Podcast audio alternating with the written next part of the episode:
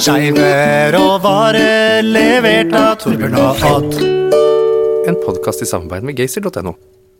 Odd, er du verpesjuk? Du, jeg har ikke vært verpesjuk siden jeg var 19. Så du har vært verpesjuk? Ja, jeg var verpesjuk, men den eneste grunnen til det var jo fordi jeg jobba i barnehage. Eh, Og etter det så begynte jo søsknene mine å poppe ut unger som fan. Og nå er jeg så glad for at jeg bare kan ta dem opp og gi dem fra meg. Så er jeg ferdig med det. Så idet du, i det du ble kjent med noen barn, så fant du ut at du ikke skulle ha barn? Ja, ja. Jeg er altfor glad i min egen tid. Det er ikke Linda. Hun sitter ved siden av meg her. Ja, Eh, ble du fornærma nå, Linda? Nei, jeg ble ikke det. Du, du er ferdig, straks ferdig lærer. Du har funnet deg en fin eh, jentekjæreste. Dere driver nå og pusser opp et hus, og det neste på lista for veldig mange, som for dere, er det å få barn. Ja. Hvor viktig er det å få barn? For meg er det viktigste av alt, nesten. Det har det alltid vært. I motsetning til Odd. så vil jeg helst ikke gi ungene fra meg. Så hvor lenge har du kjent på dette? da? Eh, nei, alltid. Jeg tror liksom fra jeg, fra jeg var 15 så har jeg villet bli mor. Siden du ble kjønnsmoden? Ja. Siden før jeg fant ut at jeg likte jenter, så har liksom det å være mor Det føler jeg nesten har definert meg før jeg i det hele tatt har blitt mor. Det er veldig veldig viktig for meg. Men i en, en tidsalder hvor kvinner sier at de ikke vil ha barn, skal Ja. si, hvordan plasserer du deg selv der? Ja, men det er, det er jo ganske morsomt, fordi jeg er jo feminist og har vært eh, aktiv feminist i en feministisk bevegelse. eh, Og er opptatt av det, og veldig opptatt av kvinners frihet. Eh, For meg så er friheten å kunne bo i et hus på Sørlandet med kjæresten min og hunden min, og ha barn og oppdra de. Det er, det er min frihet, da, på et eller annet vis. Hvor mange vil du ha? Hvor mange barn? Ikke Mange. hund? Tre-fire. Ja.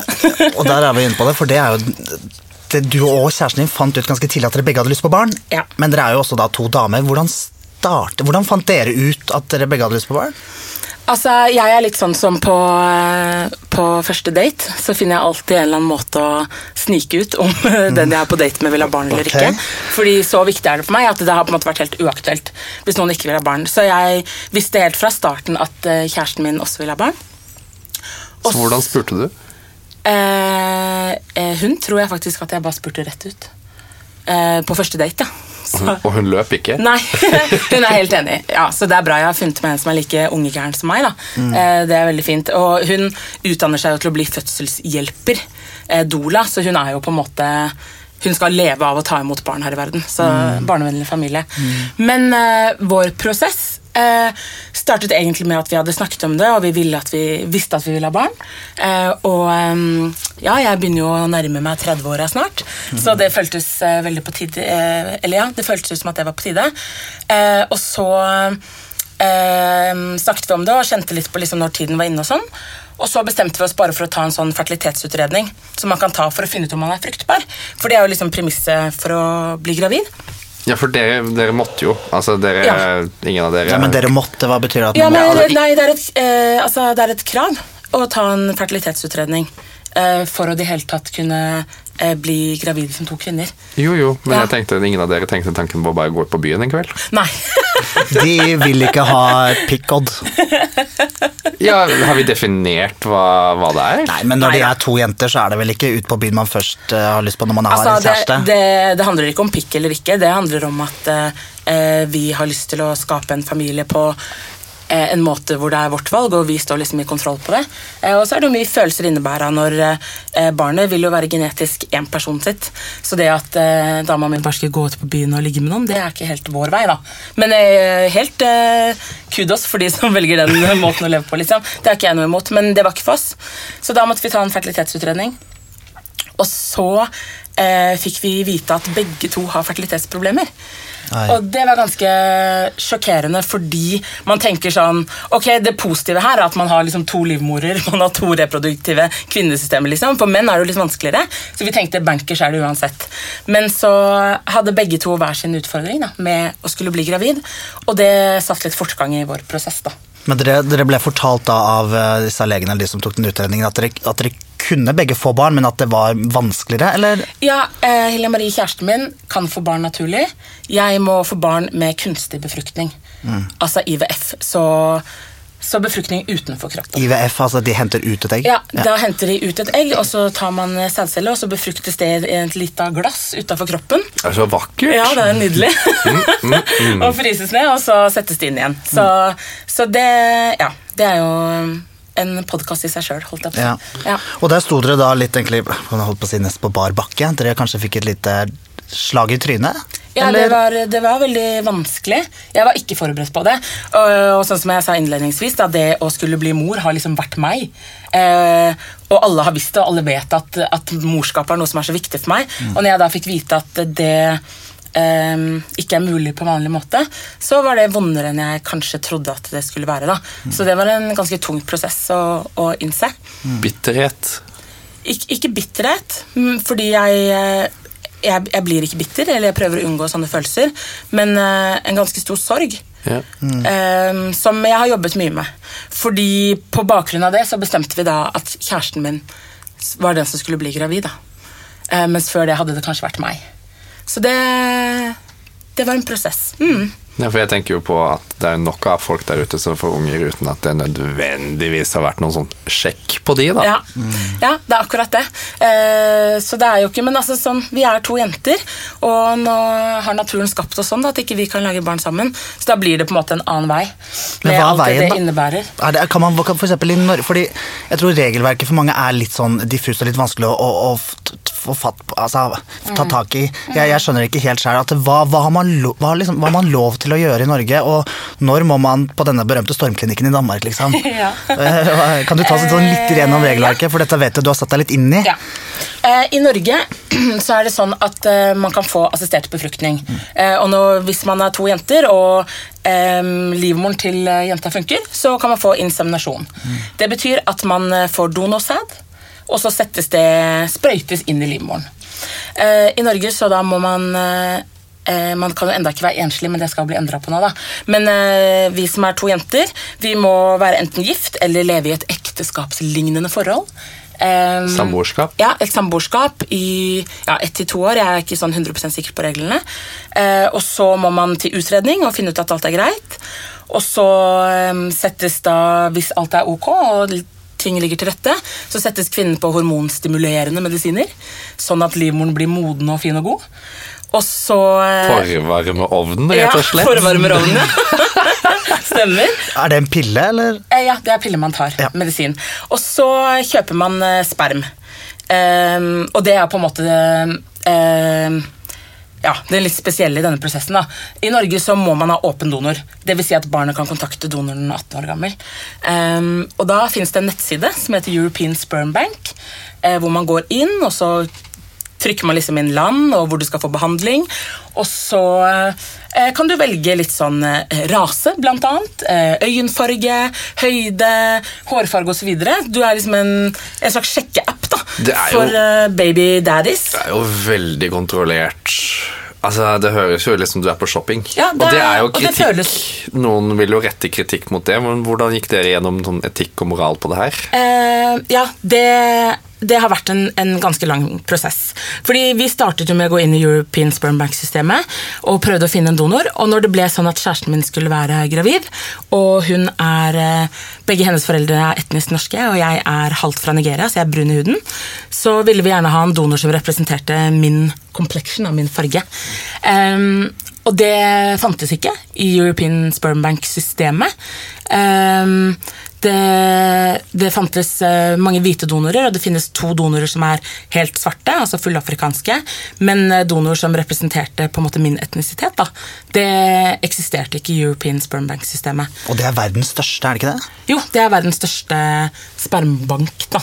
Hvordan har det seg at det finnes så få med, som er blanda, da? Nei, det vet jeg ikke. Jeg har Nei. sendt eh, masse mail med de, og eh, ja, det var jo ganske vanskelig å oppdage, for man føler liksom man går i oppoverbakke hele tiden. Da, at, uh, spesielt jeg, som da er kvinne og er lesbisk og er brun, så liksom får du det så i trynet at det, det er ikke noe plass for deg i samfunnet. på en måte. Det fins ikke noen som representerer deg, da, sånn at vi kan lage et barn belaget på det.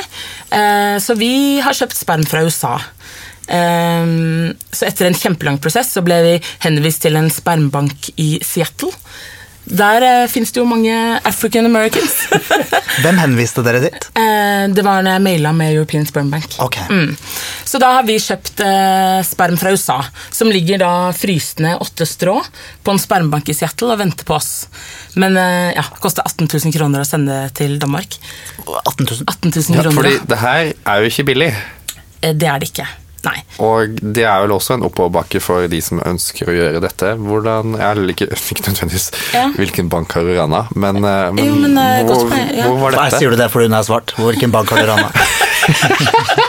Det er ikke alle som har, ikke jeg vil ikke svare på spørsmålet ditt. Det er ikke alle som har midlene, men heldigvis så hadde dere mulighet til å gjøre dette her.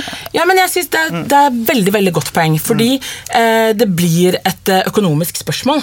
Ah, Og sånn skal det ikke være, syns jeg. At drømmen om for barn handler om økonomi. Og vi har eh, tatt oss råd til det. eh, På en måte, fordi drømmen er stor nok, men det koster jo.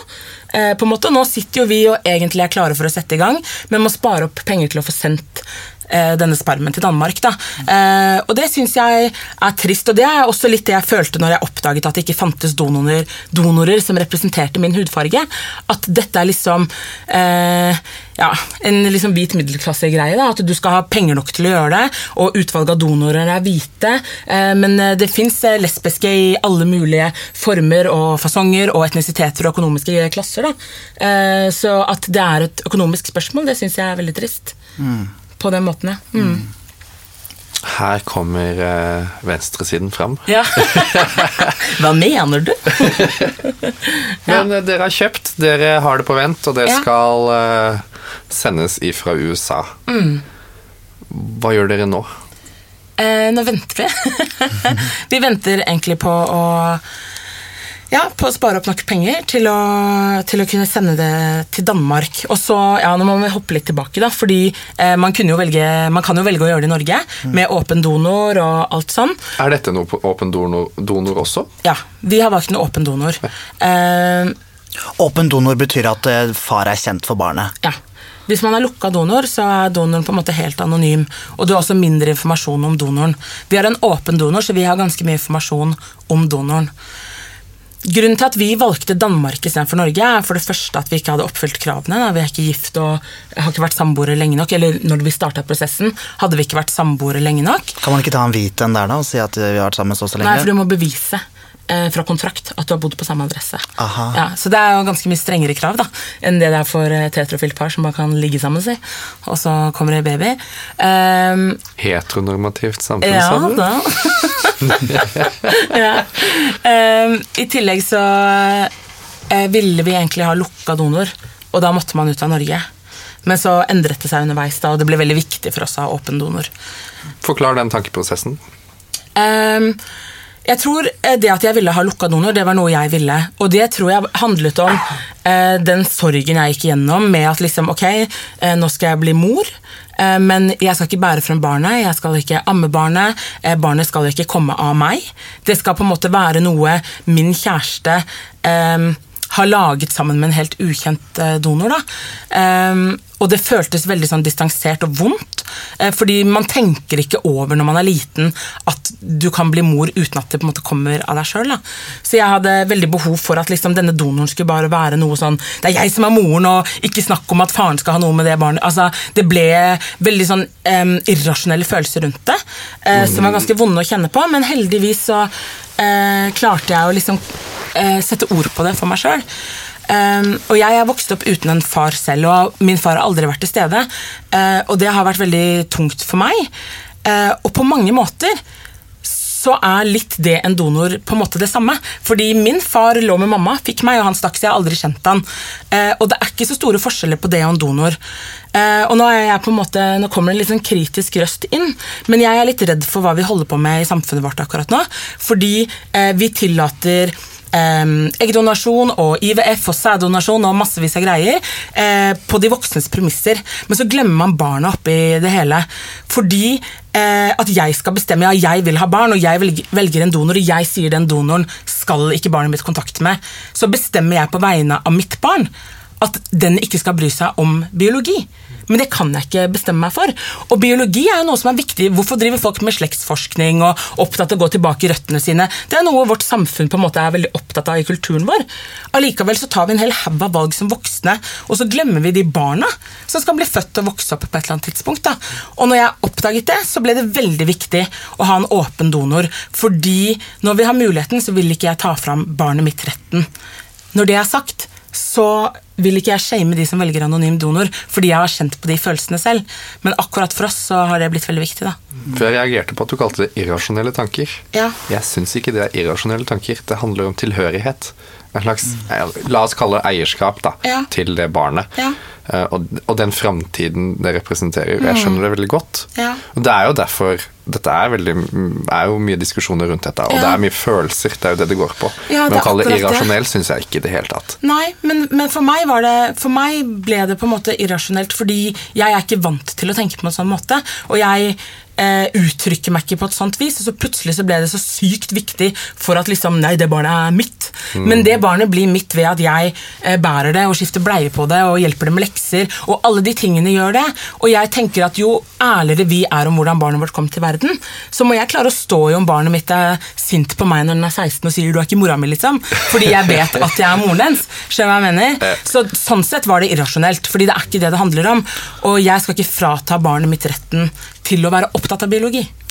Kan jeg, kan jeg bare stille deg litt sånn Jeg vet ikke om jeg vil kalle det et kritisk spørsmål, men jeg tror noen også vil også spørre seg eh, hvorfor det er så viktig at at dette barnet eh, skal ligne liksom på deg, da, når når vi kommer til det her med farge. fordi Mm. dere må jo kjøpe noe sæd fra USA som blir ekstra kostbart Mm. for, for å få en eh, farge på dette barnet som kan minne om deg. Ja. Noen vil nok spørre seg spørsmålstegn ved, ved det. Hva, hva, hva, hva tenker du? Mm. Ja, dette har jeg tenkt masse på. Ja.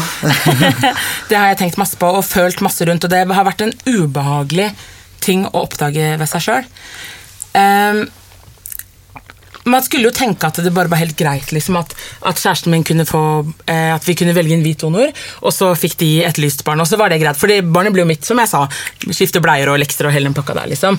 Men på et eller annet vis, da, eh, så eh, er vi mennesker opptatt av å ligne på hverandre. Eller opptatt av å føle at man er like i en familie. Det er viktig. Når noen får en liten baby, å, den ligner sånn på deg, han øynene til pappaen din, og det er ting vi fokuserer veldig på. Og hvis det barnet i tillegg skulle være hvitt, så er det på en måte null sjanse for at det barnet eh, av andre oppfattes som å ha noe med meg å gjøre. Inni vårt lille hjem hjemme så ville ikke dette betydd noe. Men ute blant folk, for folk ser farge, så ville ingen kunne tenke at det barnet er mitt.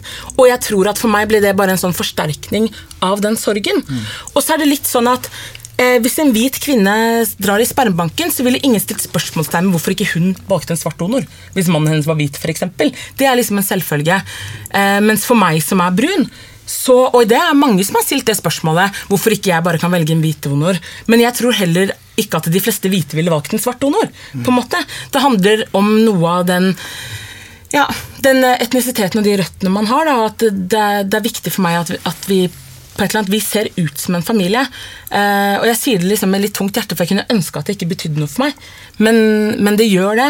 Eh, for det barnet biologisk sett er veldig lite mitt, men i hjertet mitt så er det mitt for alt det er. da. Ja. Jeg, syns, ikke det jeg syns ikke det er rart når du forklarer det selv. Jeg tror, Mm. jeg tror de fleste har den derre flokkmentaliteten, og man, Mm. man har lyst på flokken sin, og man kanskje um, Ja, Hvis ikke så snakker du en smule aspergers og det, så.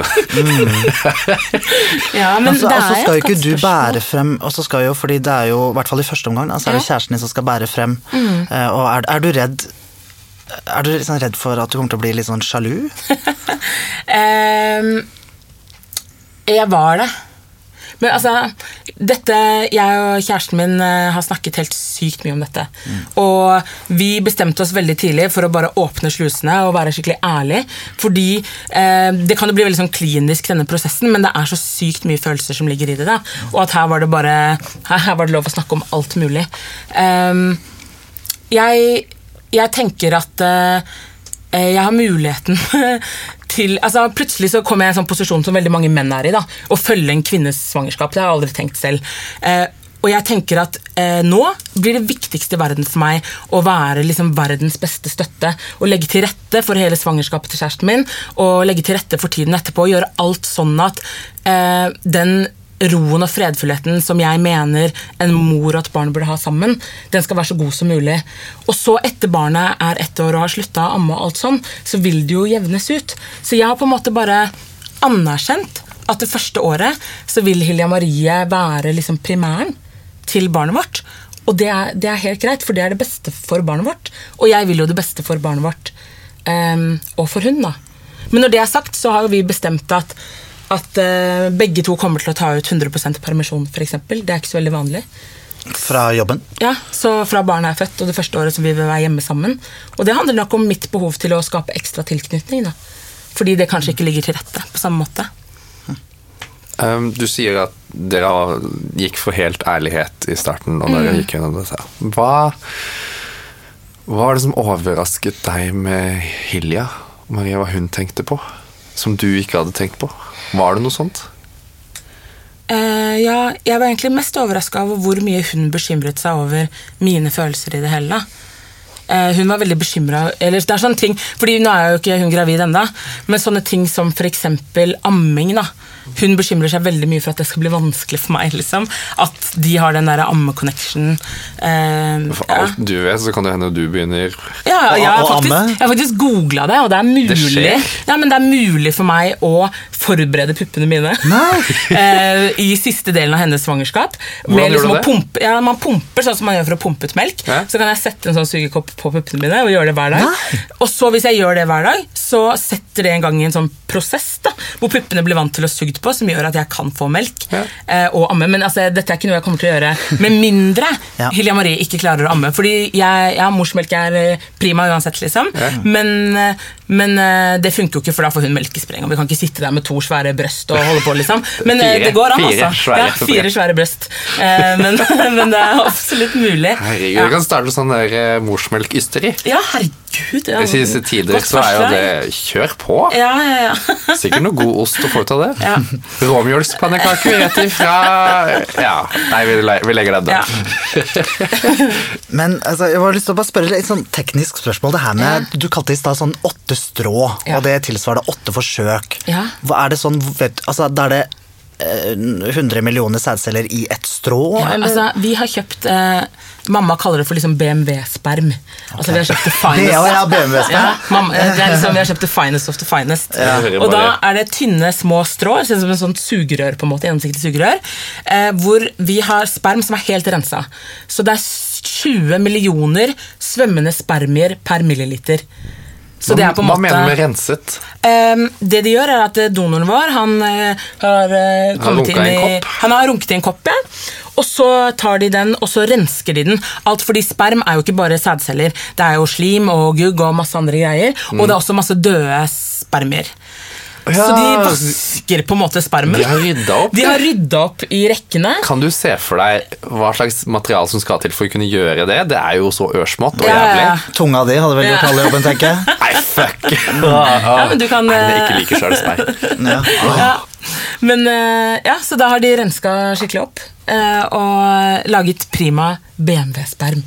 Så ja, så vi har åtte sånne nedfryst. Jeg ser for meg sånn uh, at det kommer liksom sånn tørris opp, Ja. og folk står med sånn tang og eh, hele hvitdress, liksom. Og der ligger det på frys, da. Ja, fordi det blir Åtte frakta, forsøk. åtte forsøk, og det blir frakta fra USA. Det blir ikke sendt i lasterommet. Nei, på et- eh, fordi det er derfor det koster 18 000 kroner. Fordi jeg spurte om vi bare kunne dra og hente det sjøl, siden det er så mye penger. Men det um, er jo som å travel with human tissue. Eh, Hvis du har sett liksom, når folk reiser med organer, f.eks. Ja, ja. Fryst ned en boks. Så jeg ser for meg sånn kapsel på en måte, hvor de er inni, og så reiser det da noen med dette eh, fra USA til Danmark da, for å levere eh, spermen vår. Mm. Det jeg ser for meg Alle dere har sett Jurassic Park? Ja. Første. Han der jævla boksen som han svære fyren får. Ja. Husker dere hva jeg snakker om? Ja. En sånn greie er det Ja, for meg. ja, ja, ja, det er helt sant. Akkurat sånn. Men, du må kalle det, men du, det, det må være Ford-skjerm, da, siden det er amerikanere som kommer Ja, er der. sant. BMW, er vel ikke det tysk, Ja, da? jeg skal ta Du det opp skal med ikke mamma. ha en liten tysk, da. Nei, det skal være amerikansk. En Ja, Ford. ja, er Der kommer Ford. Forden. Men det, også, si, også forhåpentligvis, da.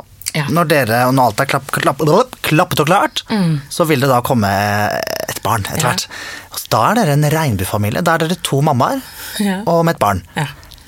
Er det skummelt å skulle være det? Være Ja. to mammaer? Eh, ja. Sånn tenker jeg litt som hvordan Kall det samfunnet rundt. Og Ja.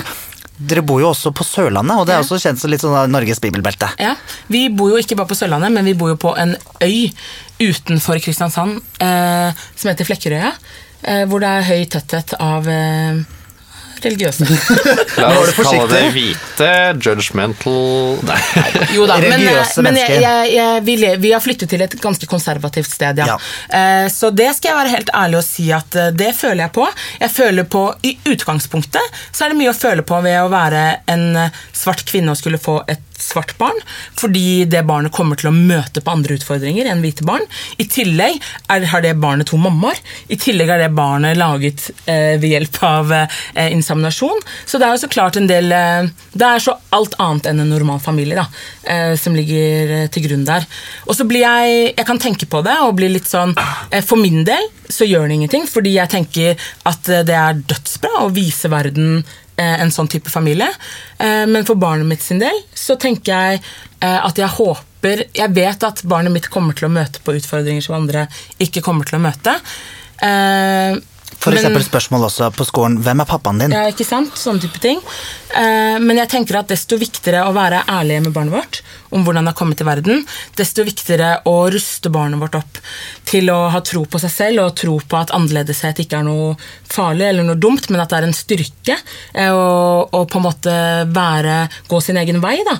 Eh, og, og jeg håper at vi klarer å gi barnet vårt den selvtilliten på hvem vi er som familie, til at man på en måte klarer å stå imot. Og aller mest håper jeg bare at samfunnet har endra seg eh, når den tid kommer. Altså må vi ikke glemme at dere er to sinte lesber. Ja. Altså, Hva sa du? To sinte To lesber? sinte Du legger deg ikke ut med to sinte lesber. Er du, er du litt redd for lesber? Odd? Altså, jeg, har, jeg har skrekken i meg etter den første bygdefesten jeg var på, uh, LLH. Oh, ja. Ble, ble du møtt av noen sinte lesber? Ja, altså De satt der i dress og har aldri sett så stygt på meg i hele mitt liv. Ja, det var skummelt. Definisjonen av traktor. Ja. Nei, det er ikke noe traktor her. Men det er jo ikke med disse to jentene her, da. De er ikke så veldig traktor. Har du sett dem sinte? Da, da blir jeg litt redd. Da, da kommer homsen frem i meg, og da løper han ja, ja. Nei da. Det, er spøk, bare så Ja. det er sagt. ja, men Det er veldig morsomt det hvordan at, eh, at eh, mange liksom, homser ser på lesb, altså sånn stereotypisk, da, ser på lesber sånn så sinna traktor. Ja, det synes jeg er veldig rart. Eller det er generelt rart at man eh, innad i et miljø eh, også generaliserer og er liksom kjipe med hverandre. Da. Mm. Ja, Eh, men det er fordi vi er full av angst, alle sammen. Vi er full av nevroser og angst og dårlig selvbilde. Det er bare det der. Ja. Men tror du også noen Jeg vet ikke, nå tenker jeg litt høyt. Tror du kanskje noen liksom, homofile menn i par kan være litt sånn sjalu på damer fordi eh, hvis man f.eks. ikke har fertilitetsproblemer, da, Mm. hvor, det, hvor det rett og slett er snakk om å kjøpe litt sperm, at Mm. det er mye enklere den prosessen å få barn. Eh, ja, og det er det. De har de jo alle rett til å føle på. Ja. Eh, fordi jeg og Hilja Marie syns jo at dette er vanskelig, men sammenlignet med hvordan det er å være homofil, så har vi jo det ganske lett. på et eller annet vis. Vi har eh, to sjanser med to forskjellige kropper, og liksom eh, lovverket i Norge legger til rette for oss. Og det er det ikke på samme måte for homofile, så det kan jeg forstå at det er kjempefrustrerende. Eh, jeg kan bare sette meg inn i det med det ønsket jeg har om barn sjøl.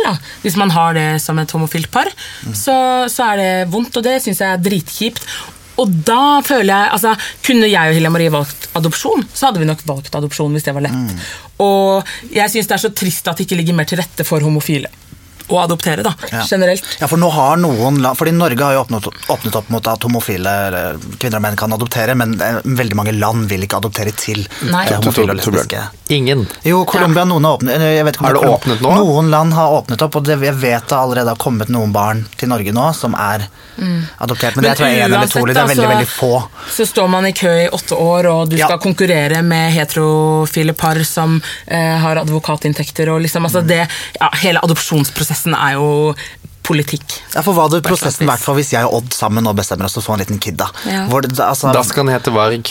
var, Oi, skal den det? Varg, Vi kan, Vargodd? Vi, vi kan ha to stykker. Den ene skal til Ravn, og den heter- andre skal til Varg. Wow. Det har jeg drømt om. Jeg drømte jeg var gravid en gang og fødte to gutter. Veldig norrøne navn. Hvordan skal du få tak i Varg, da? Må du låne en vagina i India? Da? For det er jo noen som gjør da surrogati, og det er jo en helt annen diskusjon. Men det er vel Deres alternativer er vel egentlig surrogati i USA, surrogati i India. Don't do that. Da blir du sittende igjen. Og eh, adopsjon. Og så fins det jo eh, Det jeg er veldig fan Spør en av god, ring en god venn. Nei, Det jeg er veldig fan av, er at folk kan bli fosterforeldre. Ja. Ja. Det er sykt mange barn som Men det er også et system som legger opp til mye vonde følelser. Absolutt. Eh, men hvorfor adopterer ikke dere? Eh, Nettopp pga. det jeg sa, er at det, det tar kjempelang tid, og man står i en lang prosess. Og vi ville sikkert havnet eh, ganske langt ned på den listen. En lærer og en vernepleier. Um, selv om vi er opptatt av barn og utvikling og hele den pakka der. Um, og vi har lyst på barn òg. Men jeg skal ikke se bort fra uh, fosterbarn kommer vi til å få. Og at man adopterer i fremtiden hvis det blir lettere, det er det, det, er det høy sannsynlighet Det er jo ikke nok med en ene. No. Det har åtte strå, de skal ha minst åtte barn. Det blir, det blir Linda, Jeg er barneskolelærer, vet du, så jeg, the more the merrier. Blir det blir som hus på prærien. Ja, Oh, ja. Lesbene på prærien. ja. Lesben i Kristiansand. Lespene, Lespene på høres- det er en Flekkerøy, ja. Du, kan ikke vi pitche det her til TV 2 eller noe? Eller TV, heter det? eller TV Norge 5? Rubicon! Rubicon. Ja. De kan lage noe sånt. Følge, på følge deres prosess. Det hadde vært fint. Det blir sånn Katie and Josh uh, plus eight eller noe sånt. Jeg husker ikke hva det heter. jeg. TLC. Hvis du får meg på TLC, TLC, ja. da snakker vi. Men det baker litt, da. Fikk du mer lyst på barn eh, nå, Odd? Nei. Nei. Altså, jeg har full forståelse for ønsket. Jeg har hatt kjent en snever av det. Men jeg vet ikke, jeg er altfor egoistisk. Og så er det jo greit å være to. Ja. Finne oss en partner først, og så Jeg tror det er stedet å gå. Men hvis jeg skulle ha gjort det, hvis jeg noen gang skal gjennom dette, så tror jeg faktisk jeg hadde satsa på, på Oi, det er forsvant mobilen. Ja. Eh, fosteropplegg. Begynne å kalle det noe annet enn fosteropplegg, så kanskje du kommer i køen. Fosterbarn. ja, jo, jo, men, men jeg Sånn moral, etisk, Så så ser jeg for meg at det er mer min vei. Surrogati er vel eh, ikke løsningen for meg heller. Jeg syns det er vel ganske ren utnyttelse av kvinnekroppen. Så, men vi skal ikke gå inn der. Jeg tror heller vi skal si tusen takk, Linda, for at du var så ærlig og kom og snakka med oss i dag. Selv takk. Nå tror jeg vi er kommet rundt en halvtime, så da tror jeg vi skal ta, ta, ta kvelden, holdt jeg på å si. Nå er det litt sol ute, så vi må ut i sola. Ta en is, kanskje. Ta en is. Tusen hjertelig takk, Linda. Og takk til Hilja Marie som en bikarakter i dette flotte skuespillet. Hvis du hører på, Hilja Marie, lykke til. Et liv med Linda, lykke til. Tusen takk, Linda. Hei da. Ha det.